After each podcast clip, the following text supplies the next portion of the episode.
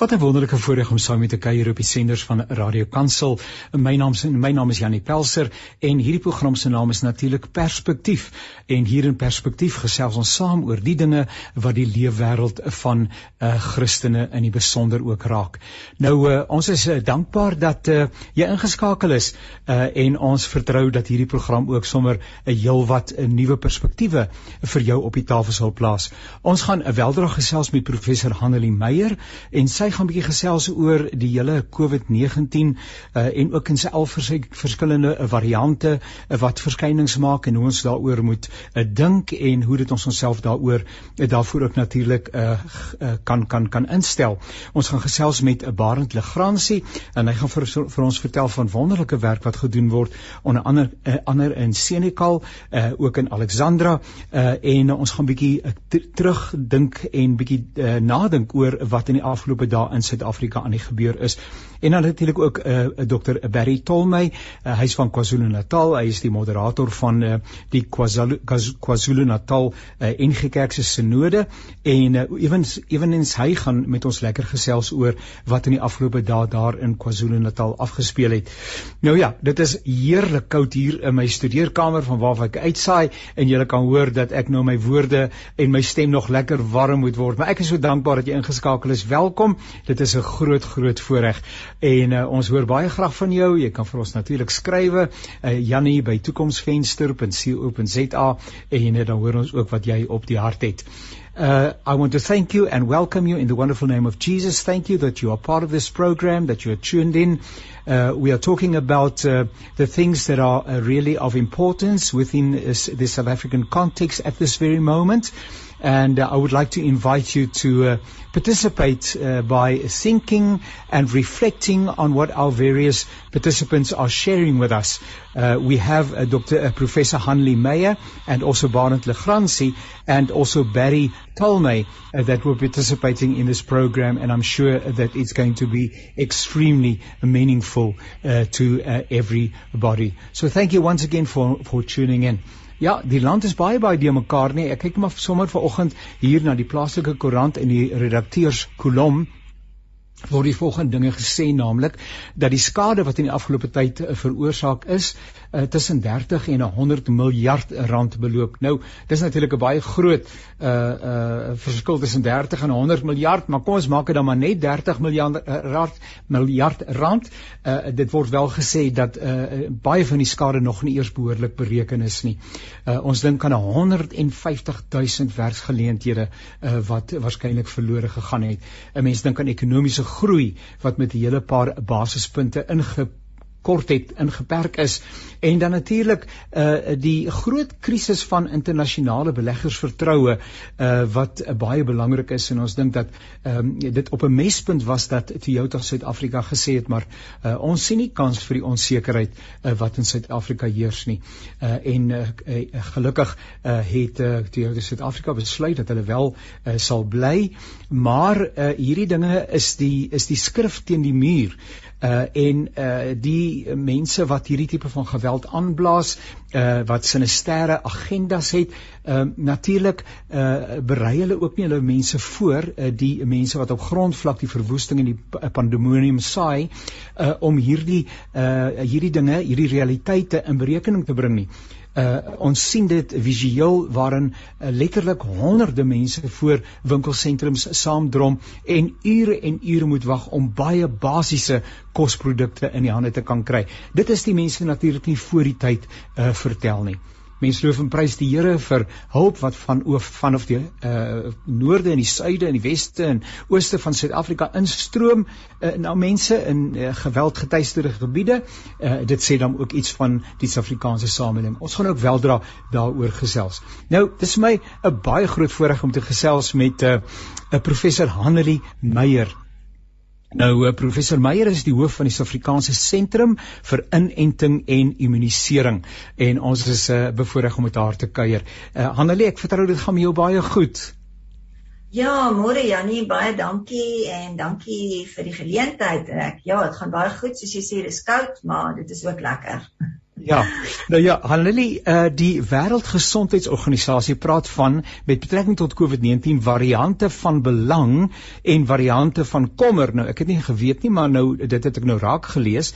Uh sal jy vir ons 'n bietjie meer vertel oor die verskillende variante van COVID-19 uh wat en wat daarvan, uh, welke daarvan is in Suid-Afrika uh werksaam en dalk 'n aanduiding van is sommige van hulle meer gevaarlik, meer akuut as ander? Ja, kyk, die Wêreldgesondheidsorganisasie, ons het nou eers geleer van die variante waar hulle ehm um, syfers gebruik of nommers. Soos ons sê byvoorbeeld B167.2 en toe het hulle besluit om eerder 'n uh, eh, identifikasie 'n uh, naam te gebruik. So op hierdie stadium gebruik hulle die Griekse um, alfabet om dit makliker vir mense te maak om weet na die variante te verwys en so ja. aan. En dan inderdaad, soos jy nou gesê het, is daar nou variante van belang en en variante van kommer. So die variante van kommer is nou die waarna ons moet oplet, sal ek sê. En hoekom hulle dit nou variante van kommer noem, is omdat hierdie variante veroorsaak uh veranderinge in hoe die virus oorgedra word of of en uh die erns van die siekte wat dit veroorsaak en dan ook die vermoë van uh, vir vir ons in publieke gesondheid om die virus dan te beheer soos ja. byvoorbeeld die inperkingsmaatreëls, ehm um, ja, ja. die sosiale distansiering, was jou hande en so aan. So dis basies hoekom hulle hulle dan nou variante van kommer noem. Ehm um, en nou nou jy het nou gevra van die variante van kommer so op die ja. stadium is daar vier van hulle wat ons nou nou moet oplet. Ja. So die die eerste een is die alfa en ja. dis die variant wat ons nou in Suid-Afrika gesien het. Hy het heel eerste het hulle hom geïdentifiseer in die Verenigde Koninkryk. So ons het meestal in die Wes-Kaap gesien. Dan is daar die beta Nou dis die ene wat nou oor wat oorheersend was in Suid-Afrika tot nou toe. Hy um, is ook in Suid-Afrika die eerste keer opgetel. Ehm um, dan is daar die gamma. Ons het dit gelukkig nog nie in Suid-Afrika gesien nie. En dan is daar nou die delta. So dis die ene wat ons nou baie bekommerd oor is en op hierdie stadium is hy besig of sy, moet hy of sy is nie, is besig om nou reg oor die wêreld en ook in Suid-Afrika die dominante variant te word. So ja, die delta is nou die een waar waaroor almal op hierdie stadium praat. Ehm um, so wat jy nou ook gevra het is is of ja. party van hulle nou meer gevaarlik is. So wat ons nou op hierdie stadium weet van die van die delta is ons sien 'n toename in die sterftes wat veroorsaak word. En ehm um, wat wat die wat wel ehm um, uh, uh wat ons weet op hierdie stadium van die delta is dat hy hoogs oordraagbaar is. So hy versprei baie vinnig en ehm um, en en hy hulle hulle skat dat hy versprei omtrent 2 keer of tussen 30 en 60% vinniger is hy meer oordraagbaar as die vorige variante. En dan is daar ook die teenliggaampie uh ontsnappingskomponent wat hulle noem.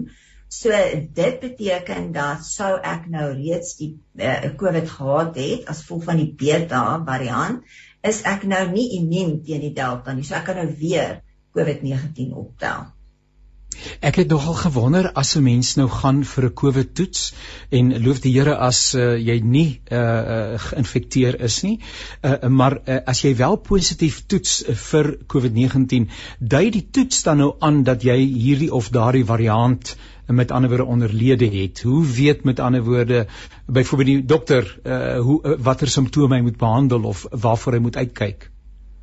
Ja kyk hulle wanneer hulle die toetse doen dan doen hulle sequencing van van die virus. So hulle bepaal dan dis hoekom as jy ook uh, na die na die uh, NICD se se webtuiste gaan dan sal jy sien hulle hulle monitor dit. So hulle kan vir jou sê daar's daar's uh, in uh, in in KwaZulu-Natal is daar 'n spesialis groep wat spesifiek kyk na die variante. So hulle monitor so hulle sal vir jou sê op hierdie stadium is hierdie variant meer dominant op daai stadium is daai uh, variant meer dominant. En kyk ook in die verskillende provinsies en so aan.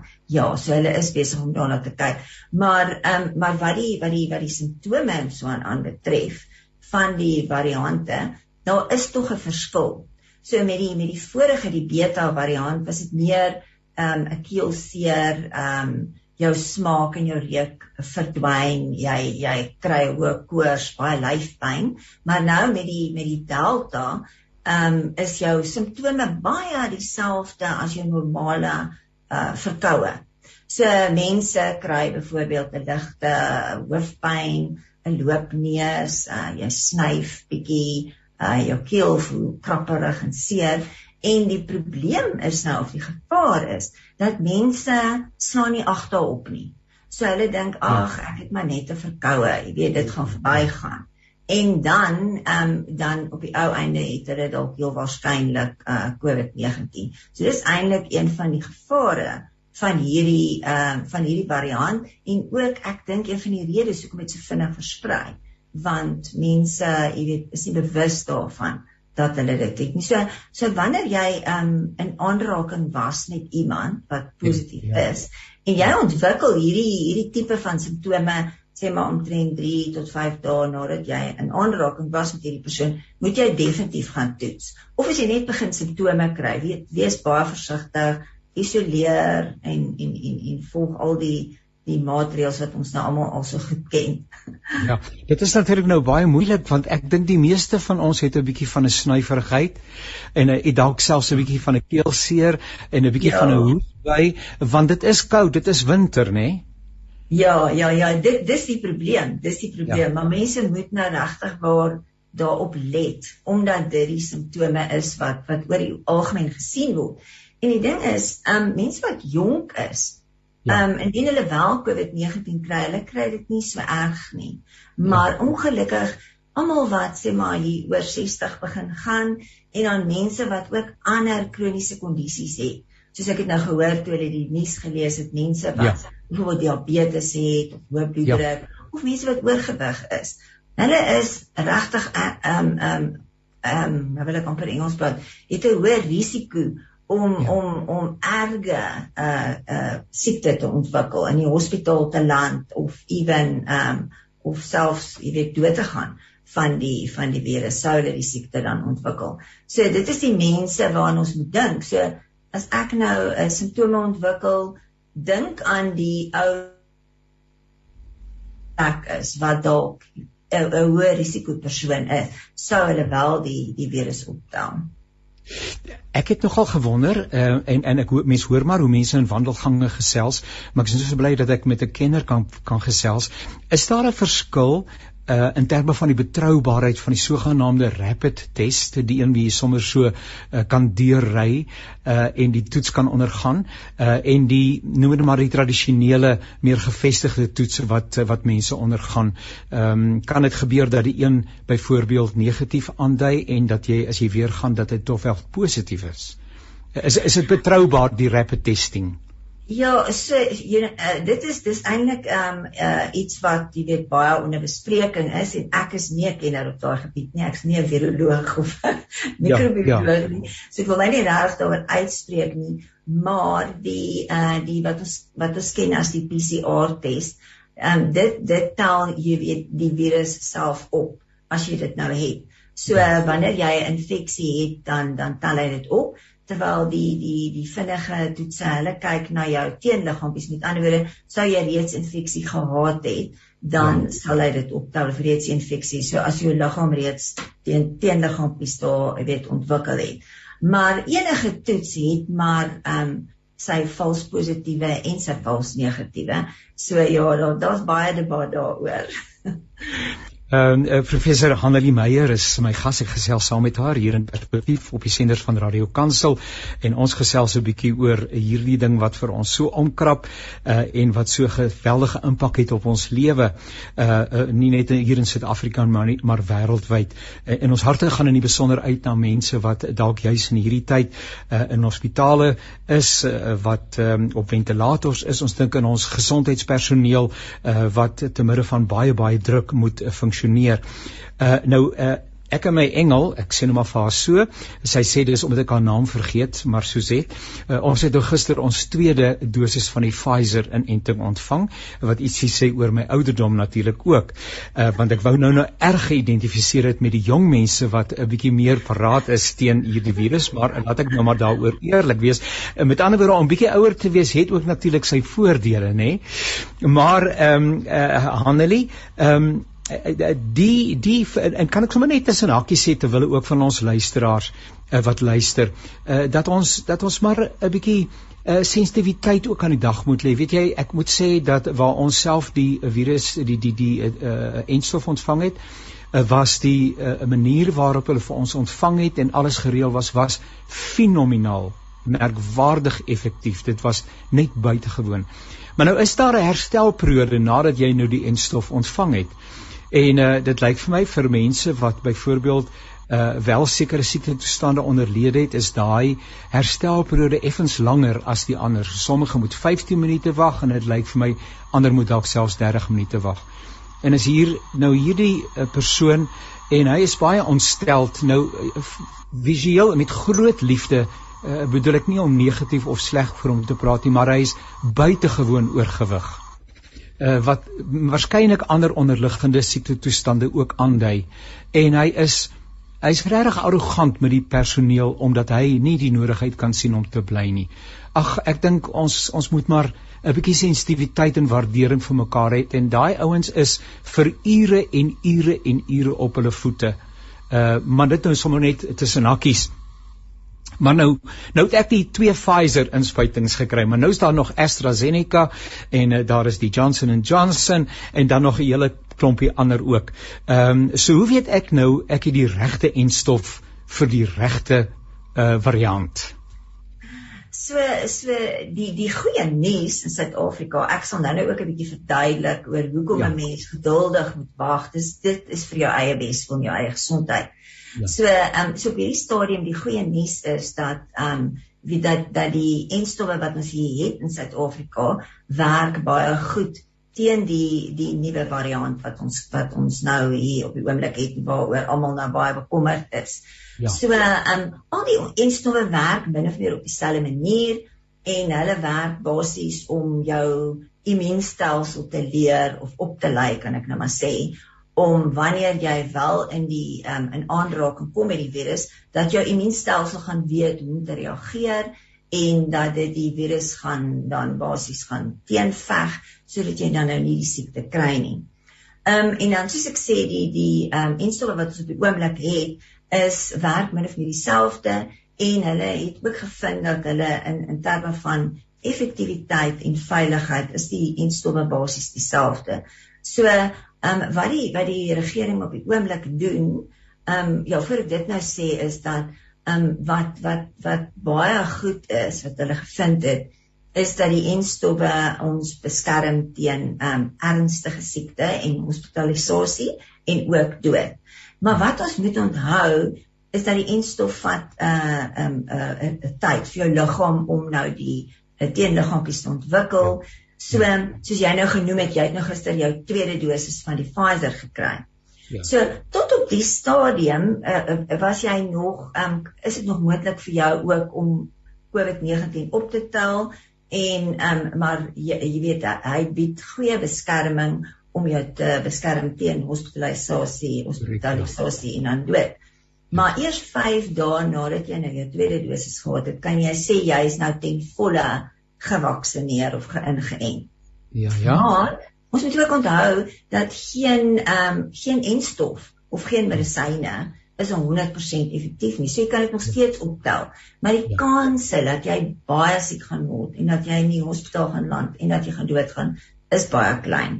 Ja. En ehm um, hulle het ook gevind die goeie nuus is dat die ehm um, die enstowwe wat ons op die oomblik het die Pfizer en dan die J&J ehm um, wys eintlik dat hulle beter reageer teen die delta beter beskerming bied um as die beta wanneer dit kom by hospitalisasie en dood. So dit dit is baie goeie nuus.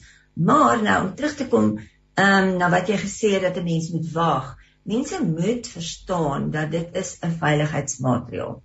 So met ander woorde, um hulle moet seker maak dat indien jy so voor die tyd voel jy mos nou in wat se siektes jy het of jy allergie en so aan het sou jy 'n persoon wees wat miskien 'n allergie het of wat miskien 'n risiko het jy het 'n hoë bloeddruk of wat ook al die geval mag wees, dan moet jy langer bly by die sentrum, maar almal moet 15 minute wag. En dit is ja. net om seker te maak. So, ehm um, wat hulle noem uh, anafilaktiese reaksies. Dit is 'n baie erge um allergiese reaksie. En dit kan gebeur met enige enige inentstof. Maar dit gebeur in 1 in 'n miljoen mense. Maar om seker te maak dat jy nou nie daai 1 in 'n miljoen gaan wees nie, ja. moet jy daar wag vir 15 minute. Ja. en as jy 'n hoë risiko persoon is, moet jy wag vir 30 minute. Annelie net uh, kortliks 'n laaste vraagie uh, en dit weet sal ou genoem weet nie alhoewel jy sal uh, vir ons 'n bietjie leiding kan gee daaroor. Moet ons 'n volgende vlaag dan nou weer uh, te wag te wees? Uh, is dit noodwendig so dat daar nou weer iets uh, op die horison is en hy wag nou net sy beurt af dat hy uh, soos 'n um, speler wat by die kantlyn gesit het en nou uh, iemand anders moet gaan vervang dat hy nou kan oorneem? Uh, of gaan ons iewers uit hierdie spiraal ontsnap die ding is ehm um, hierdie mutasies, hulle is baie slim, so hulle hou ja. aan om te dupliseer en en en, en kopieë te maak. So ons gaan nog variante sien en hulle gaan dalk jou waarskynlik nog sterker of erger wees as die delta. So ehm um, hulle die die die wetenskaplikes, hulle voorspel ook min of meer, weet hulle kyk na die data wanneer daar weer 'n uh, 'n um, vlaag gaan kom En as ons kyk na vorige vlae waar hulle die pieke bereik is omtrent so ongeveer 6 maande tussenin, maar ons mag dalk 'n uh, eh, vroeër 'n vierde vlaag sien. So miskien hier enige tyd hier van Oktober, November af gaan ons ja waarskynlik ehm, 'n um, vierde vlaag weer sien. Maar wat ons moet doen is ons moet sorg dat ons soveel moontlik mense um, ingeënt kry. Dis eintlik die heel belangrikste ding. Ja. Ja. want dan kan ons mense uit die uit die ICU's hou ons kan verhoed dat mense doodgaan en dit is wat ons moet doen so ons almal moet saamwerk om seker te maak almal weet almal kom by die sentrums uit almal kry hulle vaksinne en stop om enige um, fopnuus vals nuus ja. te sprei dink voor jy daai knoppie druk forward of stuur aan of send want al wat jy doen is jy saai paniek jy saai verwarring, jy saai angs. Deel net goeie uh goeie inligting wat jy weet wat korrek is. Dit is baie baie baie belangrik. Sy gesels professor Hanelie Meyer, sy is die hoof van die Suid-Afrikaanse Sentrum vir Inenting en Immunisering. Hanelie, baie baie dankie. Ek hoop ons gesels in die nabye toekoms weer. Uh, uh jy 'n wonderlike dag vir jou en bly gesond asseblief. Baie dankie. Dankie vir julle ook almal. Ek praat graag weer met julle. Dit is baie lekker. Baie dankie. Meer. Totsiens. Nou is dit baie groot voorreg om te gesels met eh, 'n uh, Barend Legrandsie en ek sien sy mikrofoon is nog af op hierdie stadium. Hy gaan hom nou aanskakel. En Barend uh, Legrandsie is die voormalige bedryfshoof van South Africa Day. Intussen het hy nou uh, uh, weer by ander dinge betrokke geraak, uh, maar ek sê vir jou baie welkom Barend. Ek vertrou dit gaan met jou goed. Haai, goeiemôre Jannie. Ja, dit gaan baie goed. Lekker om hier by julle te wees. Ja, dit is 'n voorreg om te kan lewe, nê. Nee. Barend, uh, nou uh, ek het nou nou hier in die begin van die program so 'n bietjie melding gemaak van 'n paar statistieke wat verband hou met die afgelope dae se se opstand en opstandigheid uh, en uh, lootery, wat is lootery, plundery ensovoorts, uh, bykans 30 tot 100 miljard rand sê die beeld wat uh, in die proses uh, verlore is 150 000 werkgeleenthede, ekonomiese groei, 'n uh, buitelandse investering wat ter sprake kom en al daai goederes en so aan. Nou ja, dit is realiteite waarmee ons moet deel. Uh, wil jy begin deur vir ons jou indrukke te gee van ja, ek vra eintlik wat het met ons gebeur gedurende die afgelope noem dit maar afgelope 10 dae? Ja nee, ek dink dit het vir ons almal in Suid-Afrika 'n skok gekom. Miskien heeltemal so 'n verrassing dat so iets wel gebeur het, maar ek dink die omvang van wat gebeur het was vir ons almal werklik 'n groot verrassing geweest. Wat verlede week gebeur het, veral die eerste 3 dae, Maandag, Dinsdag en Woensdag, en waar ons almal op televisie gesien het presies wat gebeur en wat daar plundering en opstande en onluste plaasgevind het. Uh dit was net eenvoudig ongekend. Ons ons het al baie gewoond geraak in Suid-Afrika deur baie jare dat daar opstande is en onluste maar die die omvang was eenvoudig net enorm geweest. Die skade wat gedoen is is enorm en die feit dat daar eenvoudig 'n totale wetteloosheid uh, losgebars het. Uh, spesifiek by die fokuspunt in KwaZulu-Natal en Gauteng was uh, was ongekend in Suid-Afrika. So dit was dit was nogal erg. Ja, ek het ek het iewers uh op netwerk 24 so 'n uh, 'n lysie gesien van ehm um, samelewingsverbande, besighede en dies meer uh en die hoeveelheid besighede wat in die proses uh swaar gekry het, seer gekry het, sommige wat waarskynlik nooit weer hulle deure sal open nie. En dan weer aan die ander kant barend, ehm um, ek ek lees ook vanoggend weer in die media uh 'n berig wat geskryf is ehm um, uh waarin daar melding gemaak word dat aan die een kant die totale en kom ons sê dit maar maar vir mekaar totale onvermoë uh van politieke partye om leiding te gee in 'n tyd soos hierdie. Uh dit geld uh vir die uh heersende politieke party, die huidige. Ehm um, by meer as een geleentheid hoor ons oor die afgelope jare ehm um, ons het nie daarby uitgekom nie. Ons wil jammer sê. Nou nou ja, dit help ons niks nie uh, want uh, dit dit land ons net dieper. Maar ook die ander politieke partye wat eintlik ehm um, volgens ook die skrywer en my eie gevoel is dieselfde, eintlik maar in die in gebreke bly om met positiewe proaktiewe uh gedagtes na vore te tree. Maar die burgerlike samelewing het besluit genoeg is genoeg. En as ons vir hele ouens moet wag, sal ons wag tot by om daantjie in die kawerrok of hoe gaan net gesegde. En hier gebeur iets wonderlik. Help 'n bietjie vir ons oor die rol wat die burgerlike samelewing juis nou speel en kan speel, moet speel. Ja, nee, ek dink jy het dit goed opgesom. In Suid-Afrika het ons ongelukkig het ons 'n probleem met leierskap en veral op politieke leierskap. Ons het gesien wat gebeur het en ons het gade geslaan almal ons was almal verbaas geweest dan nou nie proaktief opgetree was nie of opgetree was in die gedagte hoorie ons het dit verwag nie en dat daar voorsiening ja. gemaak gewees het Inderdaad. wat veiligheid aanbetref en wetstoepassing nie en dit is maar 'n teken van van van ongelukkig swak leierskap en dit gaan oor die regerende partye en ons moet ook ons oop wees daarvoor dat selfs ons uh, oppositie het jy vinnig toe gekyk en daar was baie kritiek geweest, maar min wat dit gebeur het dat daar sê maar dis 'n plan. Dit wat dit wat dit moet ons eintlik werklik wat doen. So ons is half leierloos geweest. Hmm. En ja. uh, aan die een kant wil ek ook byvoeg. Miskien was dit ook 'n baie goeie ding geweest, die positiewe kant. Dat daar nie min, dat daar min gedoen is, dat ons werklik waar dat hierdie ding na die oppervlak gekom het nou om te sien hoe leierloos ons was en dat daar eenvoudig sulke dinge kan gebeur En die positiewe aspek wat hier uit voortgevloei het om te sê daar was nie opgetree nie. Ons het verwag van die polisie se kant af, weermag se kant af, leierskap om te sê hoor, hierso kom ons stop dit, maar ons het vir ure lank op direkte televisie gekyk presies hoe die plundering plaasvind en daar was nie eens 'n polisieman in sig gewees nie. So ek dink dit was vir ons almal 'n geweldige verbasing, groot skok geweest. Maar aan die ander kant sê ek sê positief om te sê maar eintlik eintlik moes dit na totale energie deur die land oorgespoel het. Inderdaad. En dit het nie. Die Here het ons bewaar. Selfs ja, ja die Here se hand glo ek was daarin gewees en ek dink redelikheid het weer eens geseëvier dat die ja. gedagte of die persepsie dat man sekere groep mense is almal plundelaars en almal wil maar net vernietig en, en almal wil net almal wil almal is kriminele of 'n groot deel is krimineel. Dit is nie so nie. Ons sit met in Suid-Afrika alhoewel dit baie mense was wat in die plundering deelgeneem het, is dit 'n fraksie van daardie mense in daai bepaalde omgewing wat dit gedoen het en alle mense se hande was eintlik agter hulle rug vasgemaak en kon nie iets daaromtrent gedoen het nie. En toe sien ons dit uitspeel na 2, 3 dae, asof daar 'n kalmte weer deur daar omdat die burgery het vorentoe gekom en gesê nee, wag wag wag wag. Selfs die mense wat dit geplunder het, het probleme gehad om daardie goed in hulle eie huise in te neem. Wat ja, mense daar gesit wat onskuldig is, sê nee, jy bring nie hierdie flat screen TV in my huis en hierdie hierdie ja, ja. friskas gaan jy nie sommer hier inbring waar kry jy hierdie dinge? So hulle binne hulle eie gemeenskappe het hulle mekaar uitgesorteer en daar het hmm. redelike groot kalmte gekom.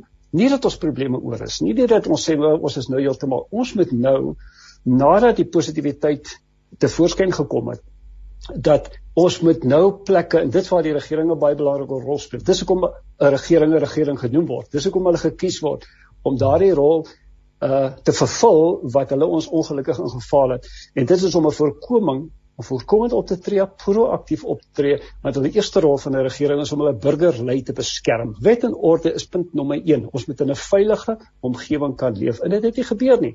Maar ons kan 'n bietjie uitwy daaroor op watter mate het die burgerlike burgery werklik te voorskyn gekom en dis een van die positiewe dinge wat ons in die afgelope week ervaar het. Ongelooflik positief.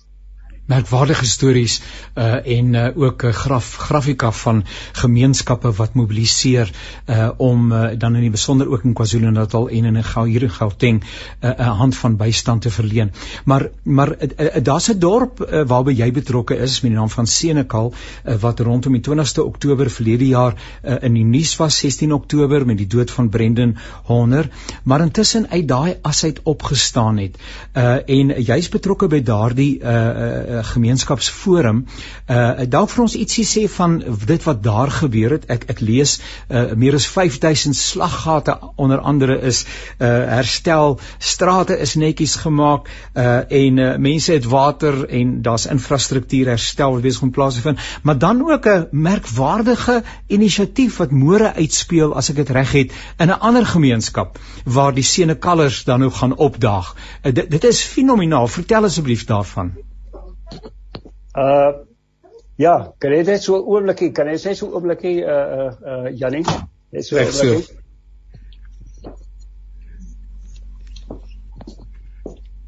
Jammer, jammer het dit reg reg. Ja. Waar is vertel vir ons? Ja, dit is jy weet dit is vir ons die positiewe dinge wat in Suid-Afrika gebeur en dis die dis die dis die gemeenskapswil. As daar politieke wil wat ontbreek is, dan is daar gewoneke gemeenskapswil en redelikheid wat intree. Dit het ons gesien uh reeds 4 jaar gelede in Kolini waar ons betrokke ja. gewees het waar daar geweldige rasspanning gewees het en die gemeenskap van Kolini byvoorbeeld in Tabologang die township daar en en die en die gedeelte daarvan van van Kolini het saamgekom 'n vredesforum is daar gestig en dit het alles gekom uit die gemeenskap self. En toe het hulle 'n ja. projek begin hulle die dorp weer opgebou en sedert daardie tyd in 2017 tot nou was daar nog geen enkele voorval gewees nie. En en dit het mense verbaas. En toe dit nou uitkom hier so so Desember maand toe daar weer toe daai twee persone vrygelaat is uit die gevangenis na die ongelukkige voorval het baie mense gedink daar gaan weer onluste en daar gaan geweld uitbreek Ek het ja. in kontak gewees met hulle gesê nee, hulle sê hulle sien nie hulle is so beklei nie. Jy weet as daar vrede gesoek word en mense werk saam met 'n gesamentlike doel word, asof die wil vir beklei uh daar ook net eenvoudig verdwyn en daar is 'n samekoms en hierdie dinge word baie goed bestuur en daarom kan ons onsself baie keer in Suid-Afrika op die skouer klop om sê man, maar uh, uh, baie keer lyk dinge nou onmoontlik, maar uiteindelik dan kom ons daardeur. En dit het gebeur ook in Senekal wat jy sopas genoem het. Oktober maand geweldige spanning geweest. Ek bedoel dis 'n dis 'n wit swart persepsie wat geskep word dat mense nie in vrede is nie. En dit is maar 'n persepsie wat geskep is want dit is nie werklik so nie. Dit is buite mense politieke belange van links na regs wat eenvoudig hierdie situasie uitgebuit het wat wat lyk of mense kan nie oor die weg kom. En toe, onmiddellik binne in die eerste week het die mense van uh uh van Matwobeng by die township is uh by Senekal en Senekal se mense het bymekaar gekom, hulle het saam 'n kerkdiens gehou wat dit begin het. Hulle het ja. saam gebid en toe het hulle ja. forum gestig, die Senekal Matoben Community Forum. En daar's verteenwoordigers gewees van al die kerke, selfs al die politieke partye was byvoorbeeld die EFF was daar gewees, die Vryheidsfront ja. was daar, die ANC ja. was daar, die DA was daar. Ja. Onafhanklik ja verskillende dominees uh, dominees van verskillende kerkgenootskappe van alle rassegroepe het jy verrig saamgekom en die politiek is eenkant geskryf en sê maar ons is op die ons is sit op 'n punt waar nou. waar hierdie ding nou kan oorspoel na die res van die land en ons as as Senekale Matwobeng het 'n gewellige verantwoordelikheid om 'n voorbeeld te stel om hierdie ding net hier te stop. Ja. En daar het hulle gekommunikeer en gepraat en saam gebid en saam vrede gemaak.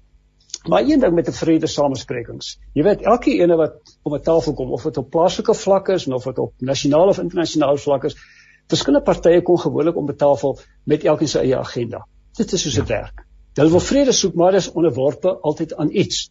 Maar wie wat julle sal ons, as julle sal ons. Sal ons. En dit is dood normaal.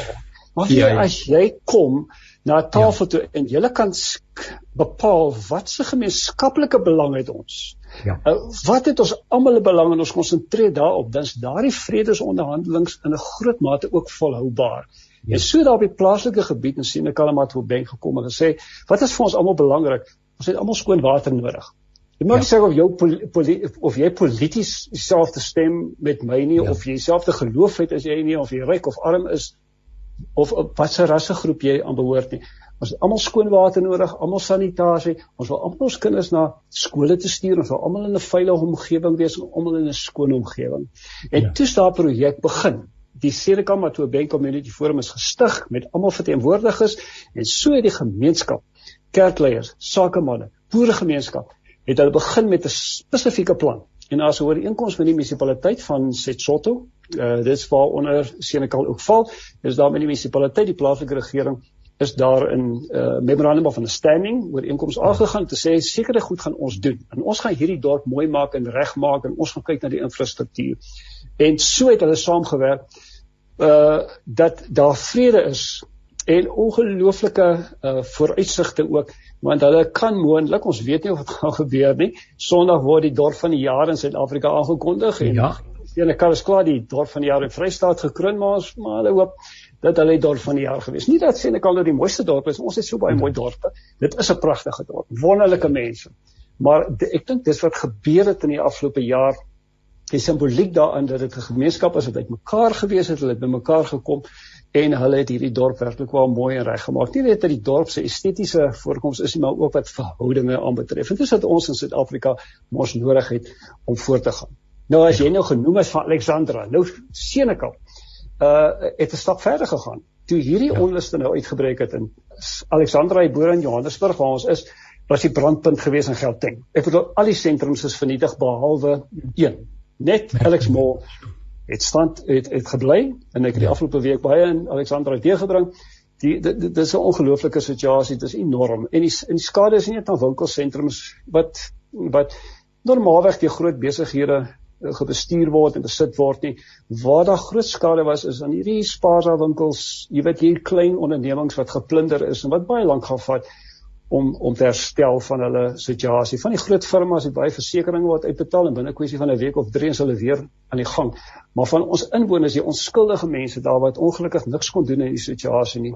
Ja, het Senekal gekom en gesê maar hulle gaan môre 10:00 val hulle in. Hulle trek al 6:00 môreoggend weg met 'n groot groep en uh, hulle gaan kom help in Alexandra met die opruiming en waar daar kan hulp wees. En dit word onder leiding gewees ook die kerk speel 'n belangrike rol. Uh die pastor uh, John Usle en uh wat een van hulle is, hy bring die groep deur en dan natuurlik die voorsitter van die van die uh, Seneca Matu Bank Community Forum professor Giel Becker. Hy gaan ook môre daar wees. Hy is professor aan Universiteit van Pretoria, maar hy het nou eiendom daar op Seneca, hy het opgegroei daar en hy is die persoon wat die leiding neem ten opsigte van die community forum waarop al die uh belangrike groepe verteenwoordig word en hulle gaan daar kom werk en um en en die en en en en die Alexandra se mense wat dit hier organiseer hulle sal al die nodige toerusting verskaf en so aan so swart sakke en handskoene sanitasie maar hierdie mense gaan kom en hulle gaan werk uh om vir uh Alexandra te help wat nou in nood is. Verlede jaar het hulle 'n probleem gehad Dis gaan herstel, hulle bestuur dit mooi en kom ons kyk na mekaar. Ons breek al hierdie skanse af en ons sê man, ons medeburgers mag nie ly nie. Kom ons help. Fenomenaal. Baie dis 'n wonderlike wonderlike getuienis. Ons hou duime vas saam met die senekallers uh, vir die naweek uh, uh dat uh, hulle met die laure uh, sal wegstap. Uh en uh, daarbenewens soos wat pastor John gesê het, uh as ons bereid is om mekaar te sê ek hoor jou pyn en ek is bereid om na jou te luister.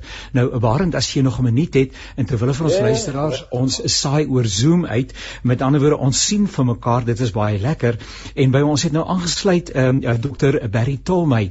Hy is die moderator van die NG Kerk in KwaZulu-Natal uh van die sinode daar en ek het vir Barry gevra uh, natuurlik is uh, in 'n sekere sin KwaZulu-Natal die episentrum van uh, dit wat die afgelope week plaasgevind het uh en uh, dat hy bietjie sy indrukke en hulle indrukke uh, bietjie met ons deel met ons luisteraars deel uh, voordat ons gaan uitkom by wat gemeentes doen en gedoen het en gaan doen. Maar Barry, baie welkom en dankie. Gaan dit met jou goed, uh kollega? Uh, Dit gaan baie goed, baie dankie. Baie dankie dat jy tyd inruim om saam te kuier, Barry. Barry, vertel vir ons asseblief, jy is nou daar in uh, uh, KwaZulu-Natal uh, uh, en soos ek vir vir verbarend gesê het, wat het wat het met ons gebeur in die afgelope tyd?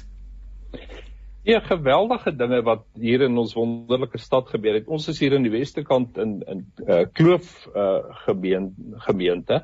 Ja.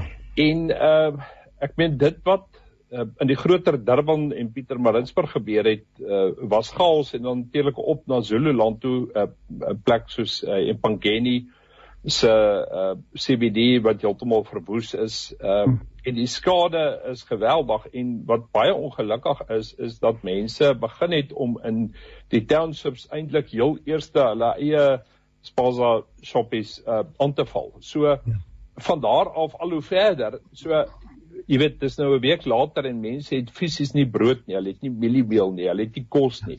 Nou dit maak natuurlik dat ons as uh gemeentes en as gemeenskappe onmiddellik weer uh, die hande en voete van Jesus Christus kan wees en daaroor is ons ja. baie dankbaar want dis juis in hierdie kulle en ruwe omstandighede wat ons juis kan vorentoe tree en kan die kerk van die Here Jesus wees wat 'n ja. dienskneg gestalte is om 'n verskil te maak in 'n wêreld van chaos. So ehm um, aan die een kant is dit 'n verskriklike verleentheid.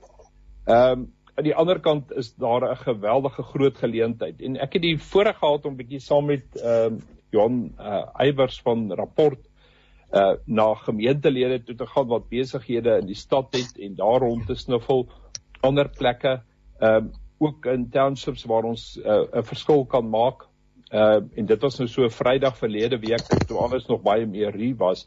Maar wat vir my wonderlik was is hoe mense as ware ook uh saamgestaan het. En en daar kan ons as as Afrikaners maar bietjie by die Engelse kultuur gaan leer waar mense regtig uh onmiddellik na vore gekom het in gemeenskappe. Aan die een kant om uh, net uh, basiese mols wat nog gestaan het en nie gebrand het nie om om hulle te beskerm aan die een kant maar aan die ander kant um, om regtig ook 'n verskil te maak jy weet uh, regtig mense is besig om hierdie week uh waar hulle verlede week opgepas het. Was daar nie tyd vir kwaad of teleurstelling nie.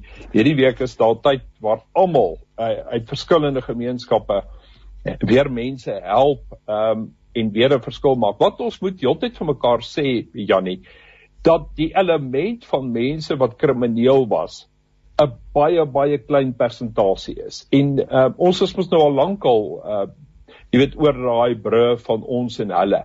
Maar regtig, in terme van ehm um, ons gemeenskappe, ook in die swart gemeenskappe, 'n baie baie klein persentasie van uh, van swart mense het daaraan deelgeneem. En ehm um, ek dink wat wat nou wonderlik is is uh, dit was nie 'n wit swart ding hier in KZN nie, dit was wel 'n Indiër uh swart ding daar in Phoenix gewees en en daar was chaos.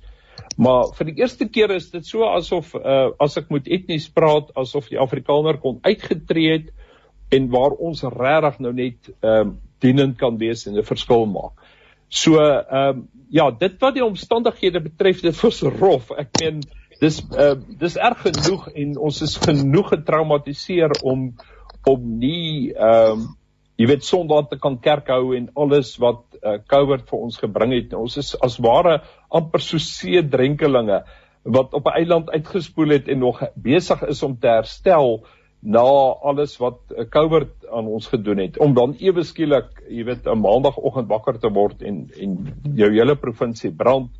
Ehm um, ja, dit was chaos. Ek ek weet ek dink ons almal ly so 'n bietjie aan bom bomskok of posttraumatiese stres. Maar onmiddellik skop daar iets van die Heilige Gees in om onmiddellik dienend te wees in die hande en voete van Jesus Christus. Dis merkwaardig, is wonderlik, regtig waar. En miskien kan Baren saamgesels net hier as ek dan nou vra terugskouend en ons is nou nog nie heeltemal daar uit nie maar maar ons vertrou dat kalmte uh, ook weer sal terugkeer in sy ehm um, uh, uh, uh, maar maar uh, terugskouend Barry ehm um, uh, uh, en en en en Barend watter lesse uh, uh, het ons nou geleer? Of wat het skielik vir ons duidelik geword uh, waaraan ons nie uh, miskien tot op hierdie stadium genoegsame aandag gegee het, die wat half grafies gedemonstreer is, is sodat ons dit nie langer kan ignoreer nie. Uh dit is interessant dat uh, Brahmane kom, Dr. Brahmane kom uh, van die sentrum van openbare getuienis vanoggend skryf in die media en hy sê daar's lesse te leer en hy sê die geskiedenis het nasies wat hierdie lesse nie geleer het nie uh sleg geoordeel. Eh, dinge gebeur, maar dan kan jy nie daarvan wegstap nie. So ek wonder net julle twee, wat is dit wat ons nou gesien het wat ons dalk miskien al verontken het of wat ons nie heeltemal van, van bewus was nie. Uh, kom ek oor gou by jou, Barend? Ja, ek dink as die eerste ding wat openbaar is dat 'n mens nie sommer net baie maklik op prinse kan vertrou nie, né? ons het verwag dat ja. ons het nie moet ek so sê, ons het nie verwag dit gaan so so 'n chaos wees nie. Dis punt nommer 1. En dit is 'n werklikheid en miskien is dit 'n goeie ding dat dit op die oppervlak gekom het om te sê hoor hierso ons moet uh, vir die regering. Uh ja. ons moet beter voorberei wees. Ons moet kyk sulke dinge kan gebeur in Suid-Afrika. Wat ons geleer het daaruit dat ons moenie die situasie in Suid-Afrika onderskat nie. Daar's 'n onderliggende probleme. Daar is die politiek wat gespeel word, daar is die kriminele elemente, maar ons moet verder kyk vir die toekoms. En dit is nie iets wat oornag opgelos gaan word nie. En dit een van daardie grootste dinge is die geweldige ongelykheid in Suid-Afrika, die armoede in Suid-Afrika, werkloosheid, mense het nie kos op die tafel nie en dit het ook te voorskyn gekom wat ons maar kan leer. Ons kan nie net aangaan soos gewoonlik nie. Dit is nie back to normal nie. Jy weet, uh, uh ons ons moet baie meer drasties aandag gee om te gaan kyk na die behoeftes in Suid-Afrika dat daar nie ongelykhede in dinge aangespreek word. En dit gaan nie sommer oornag gebeur nie. Dit gaan nie oor die volgende 5 of 10 of selfs 20 jaar gebeur nie. Maar ons omstandighede kan geleidelik verbeter in Suid-Afrika. As ons 'n bietjie dink buite die grense van ons eie woning buite die grense van ons eie veilige kompleks om te sien wat is die groot behoeftes in Suid-Afrika. En dit is dat daar mense is wat baie baie swaar kry. En ons kan nie ons oë sluit nie. En dit is 'n dis 'n dis 'n oproep tot elke individu. Dis 'n oproep tot uh tot die kerk ook. Ons moet 'n bietjie maar wegkom en ek dink Covid het, het het ons gehelp daarin om te sê hoorie ons kan nie nou by mekaar kom nie. Dis 'n tyd dat ons verlaat 'n bietjie die gebou wat ons comfort zone was, ons gemaklike sone. Uh uit ons uit ons kantore uit te kom. Ons moet 'n bietjie moue oprol en gaan kyk waar kan ons diensbaar wees? Waar kan ons werklik waar kerk wees? Wat kan ons doen om die wêreld te verander? Mense, ons teenwoordigheid moet gesien word in elke sweer van ons samelewing. En ons kan baie keer saam geestelik met mekaar kommunikeer maar die dade moet spreek van ons geloof. Dis hoekom baie daar's organisasies wat eenvoudig uitreik. En ek wil sê hoorie daar is die kerke speel 'n geweldige belangrike rol. As ons gaan kyk na kerke wat saamgekom het in die Kaap hulle is so ver verwyder van KwaZulu-Natal. Daar's trokke op die huidige stadium wat op pad is KwaZulu-Natal toe om kos te voorsien Mense het eenvoudig hulle harte oopgemaak. So ons kan nooit veralgemeen om te sê mense staan mekaar nie by nie. Maar die wat nog nie betrokke is nie, kom aan ons ons ons ons kom uit ons gemaksone uit en ons kom daar uit waar die werklike behoefte is. Dis is dis ons geleentheid. En die jong, ek gaan vir jou sê as jy so saamwerk en jy sien dit gaan ook eenheid bewerkstellig en gaan ons begin minder kyk na mekaar se verskille. Ons gaan mekaar meer verdra, ons gaan mekaar meer ondersteun. Uh en dis elke individu. Kom ons kyk net na die groot probleem. Partykeer is die probleem so groot en die uitdagings is so groot dan doen ons partymal niks. Ons kan nie want ons weet nie hoe nie, maar jou klein bydrae kan een mens se lewe verander. En as 1000 mense dit doen, is dit 1000 mense se lewens. So ons het 'n taak om te doen en, en dit moet ons plesier ja. wees. Baie ek hoor dat 'n uh, eh, ehm uh, um, uh, Barend se se hart is vol. Hy is die voormalige bedryfshoof van van South Africa Day uh en uh, is nou merkwaardig en wonderlik betrokke by Senekal en hulle gemeenskap. Die Senekallers ryk nou môre in Alexandra uit. Maar maar Barry van jou kant, wat het ons wat het ons raak gesien nou wat dalk net 'n bietjie op die agtergrond was? Ek ek dink uh elke etniese groep ehm uh, en en hierdie het et, etnisiteit weer na vore gebring deurdat uh Zulus saamgestaan het. Hierdie is 'n Zulu dryf gewees. So uh ek het 'n tweet gesien van iemand in die Oos-Kaap wat wat gesê het uh we are causes uh we are smart people we don't loot wat vir my ja. kostelik was. Maar uh ek dink elke uh 'n persoon in hierdie land gaan gaan die verleentheid waarin hulle is onderste hanteer en ek dink ons moet nie oordeel nie. Uh, ons het nog nie regtig gevoel om deel te wees van 53% waarin niemand in jou vergrote ehm um, familie nie werk het nie. As jy geen hoop het nie. Ehm uh, is dit die teelaarde van ehm uh, van soveel uh, negativiteit. So ek ek dink uh ek dink die die werklikheid van van Suid-Afrika en sy omstandighede van armoede wat uh, Barend baie mooi uitgewys het moet ons uh, regtig omhels. Uh, en ons moet sê wel hierdie hier was in 'n sekere sin 'n geel kaart vir ons gewees om hierdie ongelykhede uh, ons ons te waarsku en te sien waarheen hierdie ding kan gaan. En onthou uh, die armoede en uh, werkloosheid is nie weg nie. Hy uh, hy is miskien nou onder druk, maar daai onderliggende tipe van chaos uh is nog steeds daar en kan enige tyd weer oorborrel en dit gaan oorborrel. Ons het dit in 1976 gesien, ons het dit in 1985, 86 gesien in Suid-Afrika. 2021 uh staan vir ons soos 'n paal bo water en ek dink juis in hierdie omstandighede kan die kerk die een ding bring wat die wêreld nie kan bring nie, wat politiek nie kan bring nie en dit is die hoop van Jesus Christus. En jy as 'n goeie teoloog weet uh wat hoop beteken. Dit is iets wat buite tyd en ruimte vir ons wag, wat in God is, wat in Christus is, wat in die hemel is, maar ehm um, soos wat ons ook geleer het, gerealiseerde hoop is hoop wat Paulus vir ons sê is hier en nou. En ons moet die draers van hoop wees. Ons kan nie kapitalisties selfgerig in hierdie dae wees nie. Ons ons kan nie in heerlike werke en heerlike karre en eh, kyk hoe oorleef ons na Covid voortgaan nie. Ons moet intree, ons sal moet meer tyd spandeer. Ons sal moet gaan kerk hou en ons doen dit in plakkerskampe. Ons sal nood moet verlig. Uh, ons moet gaan leer by die ou sendelinge wat regtig holisties ontwikkelingswerk gaan doen het uh, in ver lande hier op in Afrika en ons sal dit in ons townships in ons plakkerskampe moet doen. En ek weet ons doen dit, maar ons doen dit tog heeltemal te min, Jannie. Ons sal regtig onsself in daardie sone as jy deel van Suid-Afrika wil wees, as jy hier wil bly, sê jy deel van die oplossing moet wees.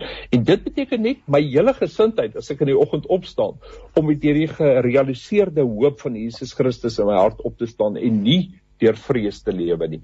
Juis die ligdraers te wees in hierdie donker wêreld. Dit maak my baie opgewonde. Ek het 'n geweldige passie. En soos ek hier sit, uh, wil ek sommer net uitgaan en gaan verskil maak. En ek dink uh, net miskien wat wat die NG Kerk ook doen, ehm uh, is ons het 'n rampfonds wat regtig deur die algemene sinode ondersteun is. Dit van Gustaf Klaasen se kant af het daar onmiddellik hulp gekom.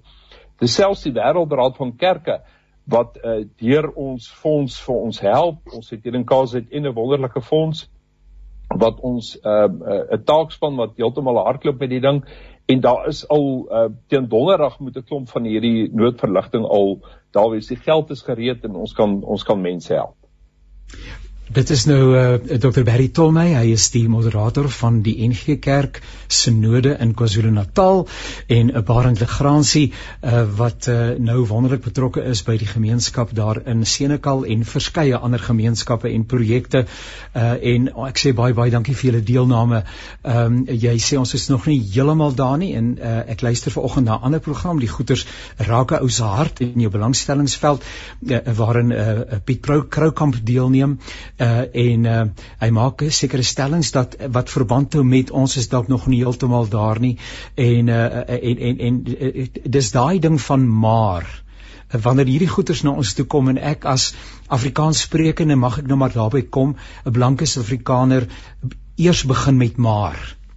Dan dan kom die die onderliggende uh, op die tafel en die een na die ander looi eenvoudig net vir hom uh, terwyl die maars op die tafel kom. Uh, uh, uh, daar's nie maar wanneer 'n kind honger het nie. Ehm um, daar's nie en en maak nie saak hoe sleg ehm um, die plundering en alles was en so nie maar inderdaad en laat ek net daarmee klaar maak. Ehm um, dit is 'n klein persentasie in terme van die 60 miljoen mense wat in Suid-Afrika woon en ehm um, wat uh, wat uh, met hulle eie lywe uh, opgedag het taksiverenigings, taksi bestuurders om uh mols te gaan beskerm. So die narratief het nie net een kant nie, daar is twee kante. Dis so lekker om met julle te gesels, Barry en Barend. Ons moet dit weer in nabye toekoms doen. Daarmee aan ons luisteraars baie baie dankie vir die inskakel. Was 'n groot voorreg om saam te kuier. Mag die Here vir julle ryklik seën en uh, ek herinner jou ook aan uh, komende Sondag tussen uh, 1 en 2 wanneer ons 'n naweek aktueel verder gesels oor hierdie uh, aangeleenthede. En dan natuurlik is hierdie programme as 'n potgooi beskikbaar, ook hierdie program by www.radiokansel.co.za. Jy gaan kyk vir perspektief en daar kan jy ook vir oggend se bydra uh, weer 'n keer gaan luister. Seënwense, alles wat mooi is, tot 'n volgende keer. Mag die Here vir jou ryklik seën.